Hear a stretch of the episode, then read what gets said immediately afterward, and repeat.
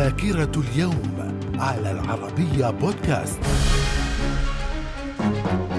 أهلا بكم إلى ذاكرة اليوم الرابع من مايو ففي العام 1675 تشارلز الثاني ملك إنجلترا يأمر بإنشاء مرصد جرينتش الملكي.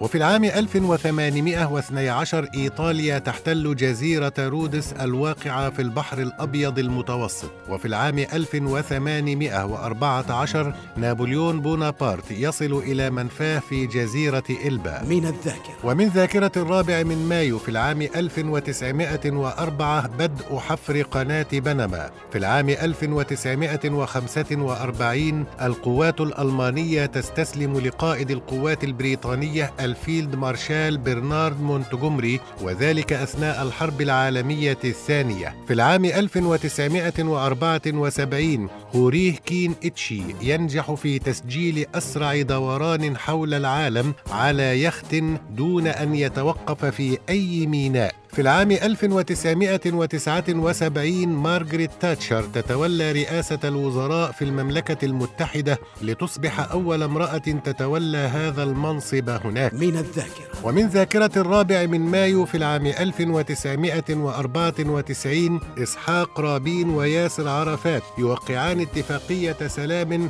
تمنح الفلسطينيين السلطة على قطاع غزة وأريحا. وفي العام 2012 اندلاع أحداث عنف واشتباكات عنيفة بين الجيش المصري ومتظاهرين قرب مقر وزارة الدفاع بحي العباسية أوقعت عشرات القتلى والجرحى. من الذاكرة. ومن مواليد اليوم الرابع من مايو في العام 1008 الملك هنري الأول ملك فرنسا. وفي العام 1923 ولد عاصر رحباني موسيقي ومؤلف لبناني. من الذاكرة. ومن وفيات الرابع من مايو في العام 1980 جوزيف بروز تيتو رئيس يوغوسلافيا وفي العام 1991 محمد عبد الوهاب المغني والموسيقي المصري. من الذاكرة. وفي مثل هذا اليوم الرابع من مايو من كل عام يحتفل باليوم العالمي للمرور وبعيد رجال الإطفاء العالمي.